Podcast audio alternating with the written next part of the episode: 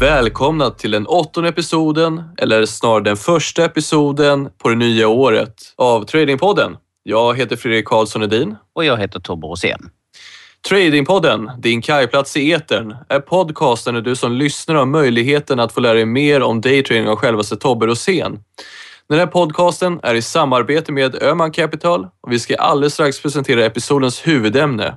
Men först och främst vill jag förtydliga att det som sägs i Tradingpodden är våra åsikter och behöver inte återspegla Öhman Capitals åsikter och rekommendationer. Vi bör också vara tydliga med att de aktier vi tittar på ska inte tolkas som köp och säljrekommendationer. Men nu, kära vänner, går vi snabbt in på dagens agenda. Först ska vi få en återkoppling på vår förra episod där vi gick igenom OMXS30, Clas Olsson och Opus Group. Sedan ska vi gå in på dagens huvudämne, nämligen gruvsektorn, en kär favorit till mig. Vi ska gå in på zink, koppar, Boliden och Lundin Mining. Allt som får mig att gå igång helt enkelt. Mm. Efter dagens huvudämne ska vi titta på Twitter där vi ska diskutera Anders Lavrets Axis och Boda 8s Trade Doubler. Men Tobbe, först så ska vi givetvis höra lite grann vad du har att säga om detta. Vad har hänt i OMX och Clas Olsson och Opus sedan förra episoden? Och hur tolkar du egentligen rörelserna till OMXS30 den närmaste tiden? Eh, ja, om vi återkopplar lite grann till vad jag sa eh, förra gången eh, i Tradingpodden. Det var ju den 18 december som vi spelade in den. Och då sa jag att OMX stod i 1435 Eh, och vi hade bjudits eh, två dagar tidigare på det jag kallar för en lagerstapel med en lång svans på nedsidan och det såg jag ju som väldigt positivt, sa jag då. Eh, och jag refererade också till lite historiska data, vad som har hänt om vi hade köpt OMX kring den 19 som ju var dagen efter Tradingpodden för att se vad det då hade hänt en, två och fyra veckor framåt. Eh, och då visade det sig, när, vi körde, när jag körde den, när jag refererade till den, att eh, det var väldigt bra edge att ta position både på någon vecka och flera veckor.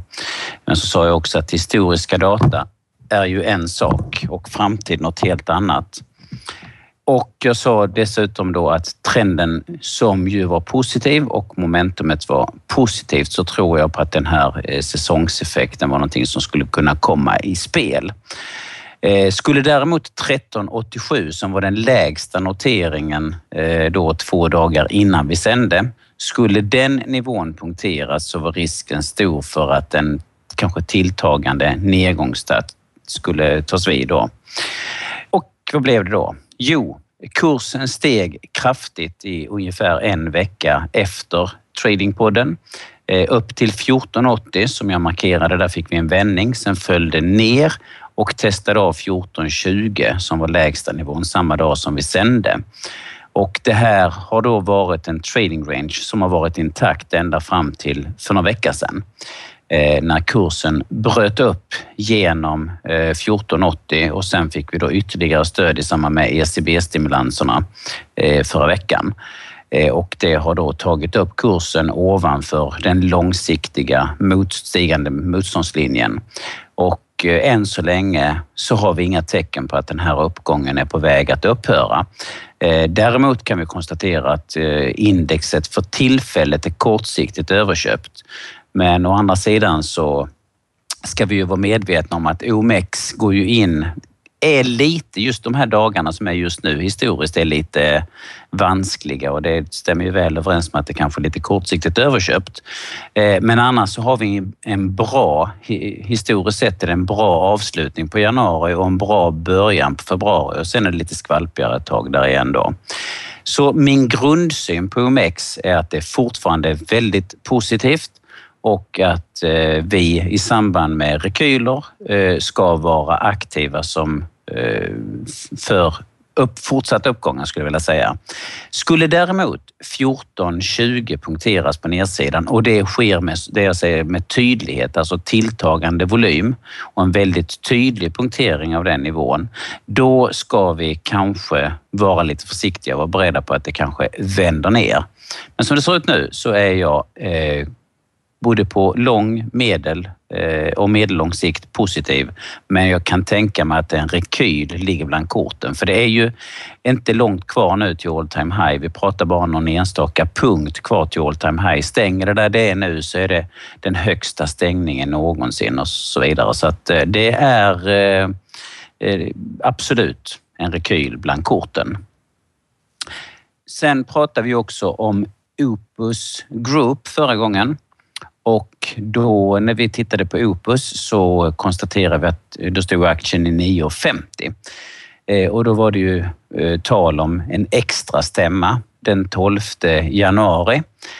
Det vi också kunde konstatera det var att VDn Per Rosén hade köpt på sig ytterligare aktier. Men samtidigt hade då bolaget kommit med en sänkt bitar prognos och det var analytiker som trodde att de skulle ha svårt att nå upp till marknadens förväntningar, åtminstone på kort sikt. Eh, vi konstaterade också att aktien hade fallit med 35 procent sedan årsskiftet och fortfarande, som jag sa, befinner sig eh, och befann sig även då i en tydligt fallande trend, både på lång och kort sikt. Och jag satte trenden till minus 4 eftersom det mesta pekade neråt.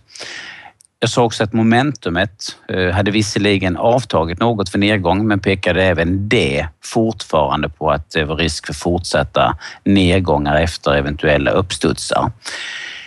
Och eh, kontentan var att vi ska vara försiktiga med köp fram till dess att 11,80 har tagits ut och det är den eh, toppen som vi har här från den 30 oktober. Eh, och som jag sa innan så stod kursen i samband med föregående tradingpodd, den stod i 9,50 så jag ville alltså att 11,80 skulle tas ut.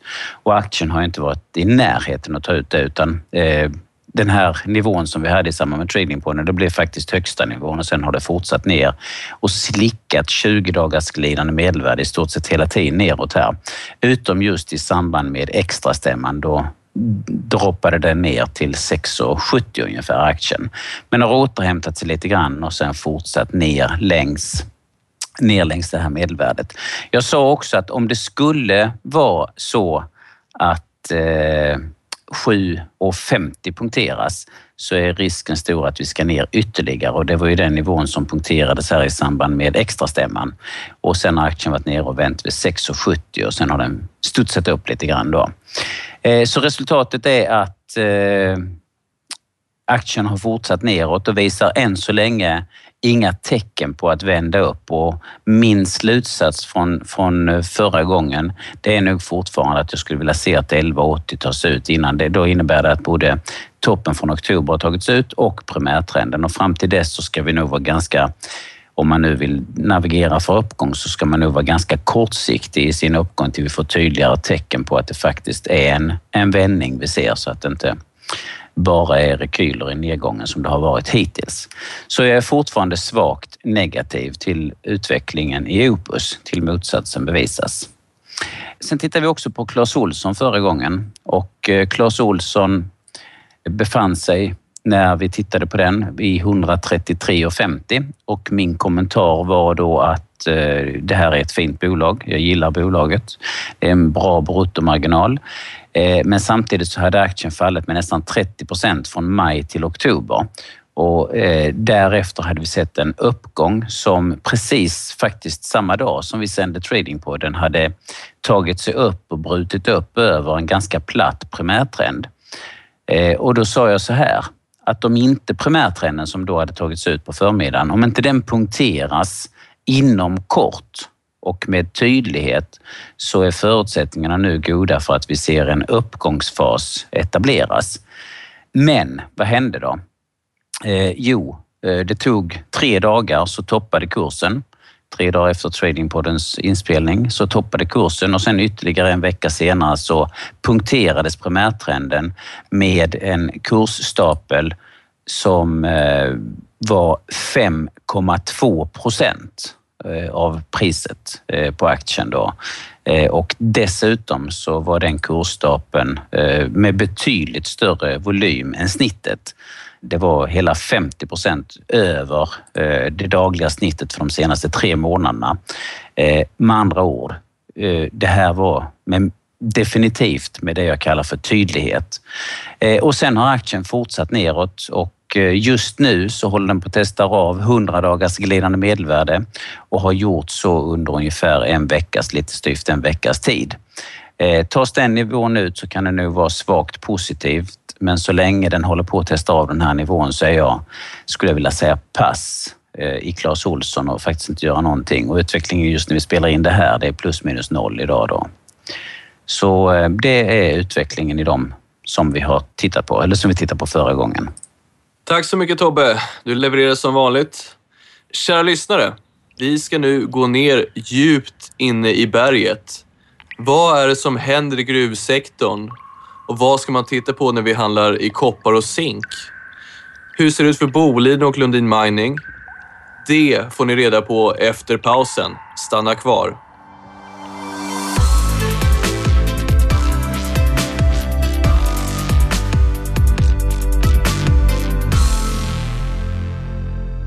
Onsdagen den 14 januari blev en dyster dag på Stockholmsbörsen. Värst gick det för de bägge gruvbolagen Lundin Mining och Boliden som utsattes för en riktig kursslakt i spåren av fallande zink och kopparpriser.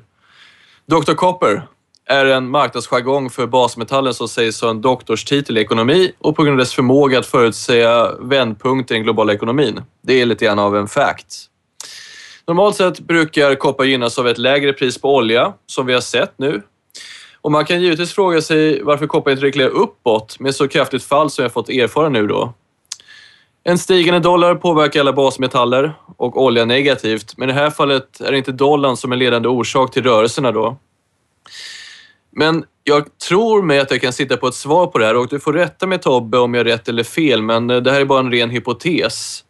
Jag skulle nog egentligen beskylla egentligen USAs kvantitativa lättnader då Kinas aptit för koppar fortfarande ökar, om än fortfarande låg, men globalt sett är den ju fortfarande hög då. Om vi tänker oss så här, att du är en kinesisk kopparkund och priset har stigit snabbt och det ser ut att fortsätta stiga. Rent rationellt så skyddar man ju sig oftast eh, och eh, genom att köpa och lagra på sig syntetiska leveranser på en terminsmarknad, som de flesta bolag gör även idag. Men är du en trader eller en hedgefondförvaltare eller vad som helst mot just förvaltning så skulle jag egentligen se att man vill ha ju då lite exponering i de här rörelserna. Som alltid så är finansmarknaden snabb på att svara på den här typen av stigande efterfrågan och derivatprodukter får miljarder injicerade i nytt kapital. Och det finns ju nu en hel del tillgångsklasser av metaller och råvarubaserade produkter som lockar med hävstång. Speciellt om amerikanska centralbanken agerade pengagrossist inom kvantitativa lättnader. Men nu när QE har upphört drar sig amerikanska investerare tillbaka till den relativa säkerheten i sin växande ekonomi och förstärker valutan genom att sälja av kontrakten. Basmetallerna faller och end of story. Jag vet inte om jag låter helt galen. Det här var någonting jag egentligen nu innan Tradingpodden fick eh, bygga upp en teori för att verkligen gå på djupet. För att eh, annars så strider ju egentligen de flesta rörelserna man ser idag mot varandra. Vad tror du Tobbe? Vad kan detta bero på? Ja du. eh, alltså jag tror att det, jag gillar ju enkla, enkla svar. Jag tror att en stor del av det här helt enkelt beror på naturligtvis de här kvantitativa lättnaderna som det har varit då som har gjort att eh, dollarn har stigit eller som nu, nedtrappningen av dem rättare sagt, som har fått dollarn att stiga. Eh, sen tror jag också faktiskt, även om det tuffar på i Kina, så tror jag ändå att ett visst orosmoln faktiskt är den svagare utvecklingen av den kinesiska fastighetsmarknaden. Och vad skulle den ha med kopparförbrukning att göra? Jo, eh, dels för att man använder enormt mycket kablar eh, gjorda av koppar när man bygger och en, av, en stagnation i fastighetsmarknaden kommer säkert att påverka efterfrågan av, av bland annat koppar. Då. Sen tror jag faktiskt även att eh, råvarupriser generellt då eh, med naturligtvis råoljepriset som den Eh, ledande indikatorn då, att det i sin tur tynger resten av råvarusektorn som både zink och koppar. Då. Eh, men sen måste man också ta hänsyn till hur utvecklingen ser ut mot den svenska kronan om vi tar hänsyn till dollarn. Då. Den amerikanska dollarn har stigit med 27 procent mot den svenska kronan de senaste två åren. Eh, och kopparpriset har fallit med 28 procent alltså precis lika mycket ungefär under samma tid. Eh, tittar på zinkpriset däremot så har det legat och pendlat däremellan, ungefär på samma nivå eh, som det var för två år sedan och zinkpriset är ungefär på samma nivå nu som det var för ett år sedan också. Eh, trots att det har varit upp ungefär 20 procent fram till i höstas och sen fallit tillbaks ner och ligger återigen på samma pris. Eh, men tittar vi på koppar så noteras det nu på den lägsta nivån eh, i dollar räknat då sedan augusti 2009. Och tittar vi på zinkpriset så är det i stort sett detsamma. Har konsoliderat, det låter kanske inte som en konsolidering när man säger att det har konsoliderat mellan 2600 och 1500 dollar. Men å andra sidan så har den här eh, volatiliteten eh, blivit lägre och lägre sedan 2008 och det är som jag ser det så är det någon form av konsolidering eller uppladdning inför framtiden då. Eh, tittar vi på aktier som kan vara intressanta så tog du ju själv upp Boliden och Lundin Mining, Fredrik, och det är ju intressant tycker jag. Tittar på Boliden så har ju eh, aktien sen fallet som du nämnde där då den 14 januari tagit sig upp kring det som jag vill beteckna som en vattendelare kring 125 till 127 kronor. Och jag tycker faktiskt att eh, Boliden ser väldigt spännande ut. Vi har ju ett gap här precis som aktien Eh, det, det, då i samband med den här nedgången den 14 så fick vi ett väldigt tydligt gap från 131 ner till 125 kronor och sen fortsatte aktien hela vägen ner till 112.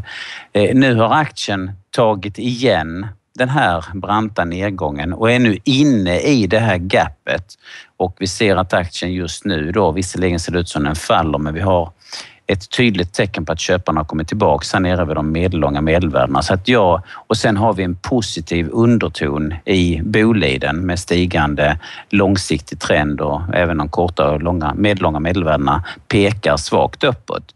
Så jag är faktiskt svagt positiv till eh, Boliden faktiskt, det är jag. Jag tänkte kolla lite grann också Tobbe. Sist vi såg sådana här stora rörelser i kopparn var ju framförallt under 2008 precis där vid börsfallet, så såg vi även samtidigt att Kina tillämpade ju protektionism inom, eh, ja, på just gruvsektorn. Vilket ledde då till att Boliden föll ner till, eh, vad var det nu, var det 15 kronor? Jag kommer inte ihåg exakt, så jag har inte någon graf framför mig i detta nu nämligen. Det kan jag titta på. Ja, för jag var inne eh. där och rotade i Boliden under den tiden och jag vet att just protektionismen var ju någonting som sattes igång ordentligt och fick en stor impact på hela sektorn. Tror du det är någonting vi bör oroa oss för framöver eller är det någonting som Ja. det, kan, det kan det absolut uh, vara. Samtidigt så tycker inte jag att vi ser några tendenser till det just nu i alla fall. Men vi har ju även i Boliden, om vi tittar, så har vi ju någon form av Eh, Eh, ganska stor konsolidering. Boliden var ju nere då 2008 så var ju aktien nere i 13-14 kronor någonting. Och eh, sen kan vi ju dra en stigande stödlinje som faktiskt möter upp då nu strax ja, kring 100 kronor. På ovansidan så har vi, har vi eh, brutit upp igenom faktiskt en, en fallande motståndslinje. Så att jag tycker ändå det ser ut som att eh, Boliden faktiskt laddar på för en fortsatt uppgång snarare än någonting annat just nu i alla fall. Men eh, Tobbe, jag ser här tiden. Eh, vi får nog eh, korta ner den här diskussionen och vi får fortsätta på Twitter tycker jag. Och mm. eh, gärna så ser jag att våra lyssnare engagerar sig i den här diskussionen. Hör av er på Twitter. Vad tror ni om fallet i basmetallerna som vi har diskuterat? Som vanligt under hashtaggen Tradingpodden. Men nu ska ett par Twitter-lyssnare få sina önskningar uppfyllda och den här gången är det Anders Lavrets Axis och Boda 8s Trade Doubler. Jo, Axis är ju helt klart en av eh, mina favoritaktier och orsaken till det är att jag tycker att de ofta levererar mer än vad marknaden förväntar sig. Eh, det är ett innovativt, trevligt, välskött, spännande bolag på alla sätt och vis. Eh, jag har pratat om, om Axis också på ETP Direkt och även i mina morgonanalyser och faktiskt fått en hel del frågor om ja, men när ska aktien lyfta? Du har ju sagt länge att det ser spännande ut och så är det också och många gånger så tröttnar ju det är många som tröttnar när en aktie inte levererar. Det är då man ska vara som mest intresserad för det är oftast det som är en uppladdningsfas inför någonting som blir värt att följa. Eh, och jag har pratat om Axis eh, den 22 december och den 19 januari och då hade jag två snygga fortsättningsformationer som, som tog upp aktien till den här fallande eh, motståndslinjen som nästan sammanfaller med primärtrenden fram till i torsdags. Då bröt aktien upp över den här fallande motståndslinjen och dessutom 200 dagars glidande medelvärde och gjorde det med en tydlig en verkligen övertygande, ett övertygande utbrott med stärkt volym och sen har aktien trots att den är kortsiktigt överköpt hållit sig kvar uppe kring den här nivån vid 206-210 kronor här uppe och det ser jag som ett riktigt styrkebesked. Eh, så Axis eh, ser superspännande ut och jag tror det är mycket som talar på att vi faktiskt har sett en botten mejslas ut i, i aktien och att vi kan eh, hoppas och jag tror på fortsatta uppgångar i Axis. Eh, Just nu så är den kortsiktigt överköpt och det ser jag bara som en fördel. För skulle aktien falla ner så anser jag att den eh, är värd att haka på ner mot 200 kronor i alla fall. Skulle den däremot punktera 200 kronor så är risken stor för att vi faller tillbaks ner i den här allt tajtare konsolideringen. Men som det ser ut nu så eh, tror jag kan vi rensa väck den här, eh, kanske konsolidera kring den här nivån och sen rensa väck 208-209 kronor så hittar vi nästa nivå vid 212, nästa vid 216 och sen skjuter det på upp. Sen har vi ett gap här upp mot 225, 224, 225. Så att förutsättningarna för en fortsatt uppgång är mycket goda i Axis som jag ser det. Eh, trendstyrkan, eftersom det har konsoliderat länge så är inte trendstyrkan mer än plus ett, men den tilltar och vi ser att momentumet för uppgång tilltar och MACD befinner sig i den positiva delen. Så jag tror att det snabbt blir plus två, plus tre utav den här trendstyrkan. Momentumet har också ökat på en del.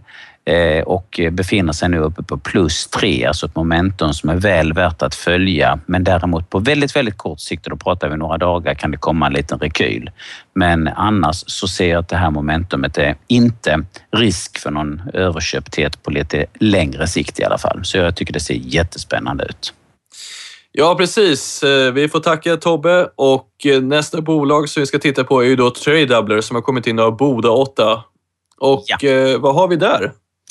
Det kan jag inte säga annat än att även tradedoubler är spännande. Eh, och här kan vi se att aktien har fallit med 95 procent sedan toppen 2007. Och om vi förflyttar oss ett år bak i tiden till januari 2014 så har aktien faktiskt fallit med 50 procent sedan dess. Eh, så det här har ju sett ut som en fallande kniv fram till i höstas här ser vi ändå en tendens till en eh, nästan en eh, så, så, kallad cup handle formation. Eh, nästan säger jag, det är inte riktigt en sån och den kommer inte riktigt på rätt ställe. Men vi kan ändå se en sån här rundad botten eh, och en liten rekyl att köparna kommer tillbaks. Men det gäller ju när man har den här typen av utseende så gäller det att man inte har för bråttom. Eh, för här finns det mycket att ta av. Jag kan tänka mig när aktien väl börjar ta fart så tror jag att det kommer att bli en häftig resa. Men jag skulle vilja säga som så att så länge inte den här toppen som vi fick här i, i mitten på december eh, vid eh, 11,70 så länge inte den nivån tas ut så ska vi inte eller ska ska, alla gör som de vill naturligtvis, men man ska nog vara försiktig med att navigera för någon längre uppgång tills vi ser att den här toppen har rensats ut tror jag. Eh, och eh, nedgång. Jag tror faktiskt att det finns ett visst hopp för att vi har mejslat ut en nedgång här. Vi har en positiv divergens. Vi håller på att få en köpsignal i MACD i den positiva delen och vi ser att köparna suger upp säljtrycket. Eh, I oktober, eh, eh, förlåt, i november så, så krävdes det att priset föll ner till 7,50 ungefär innan köparna eh, sög upp säljtrycket.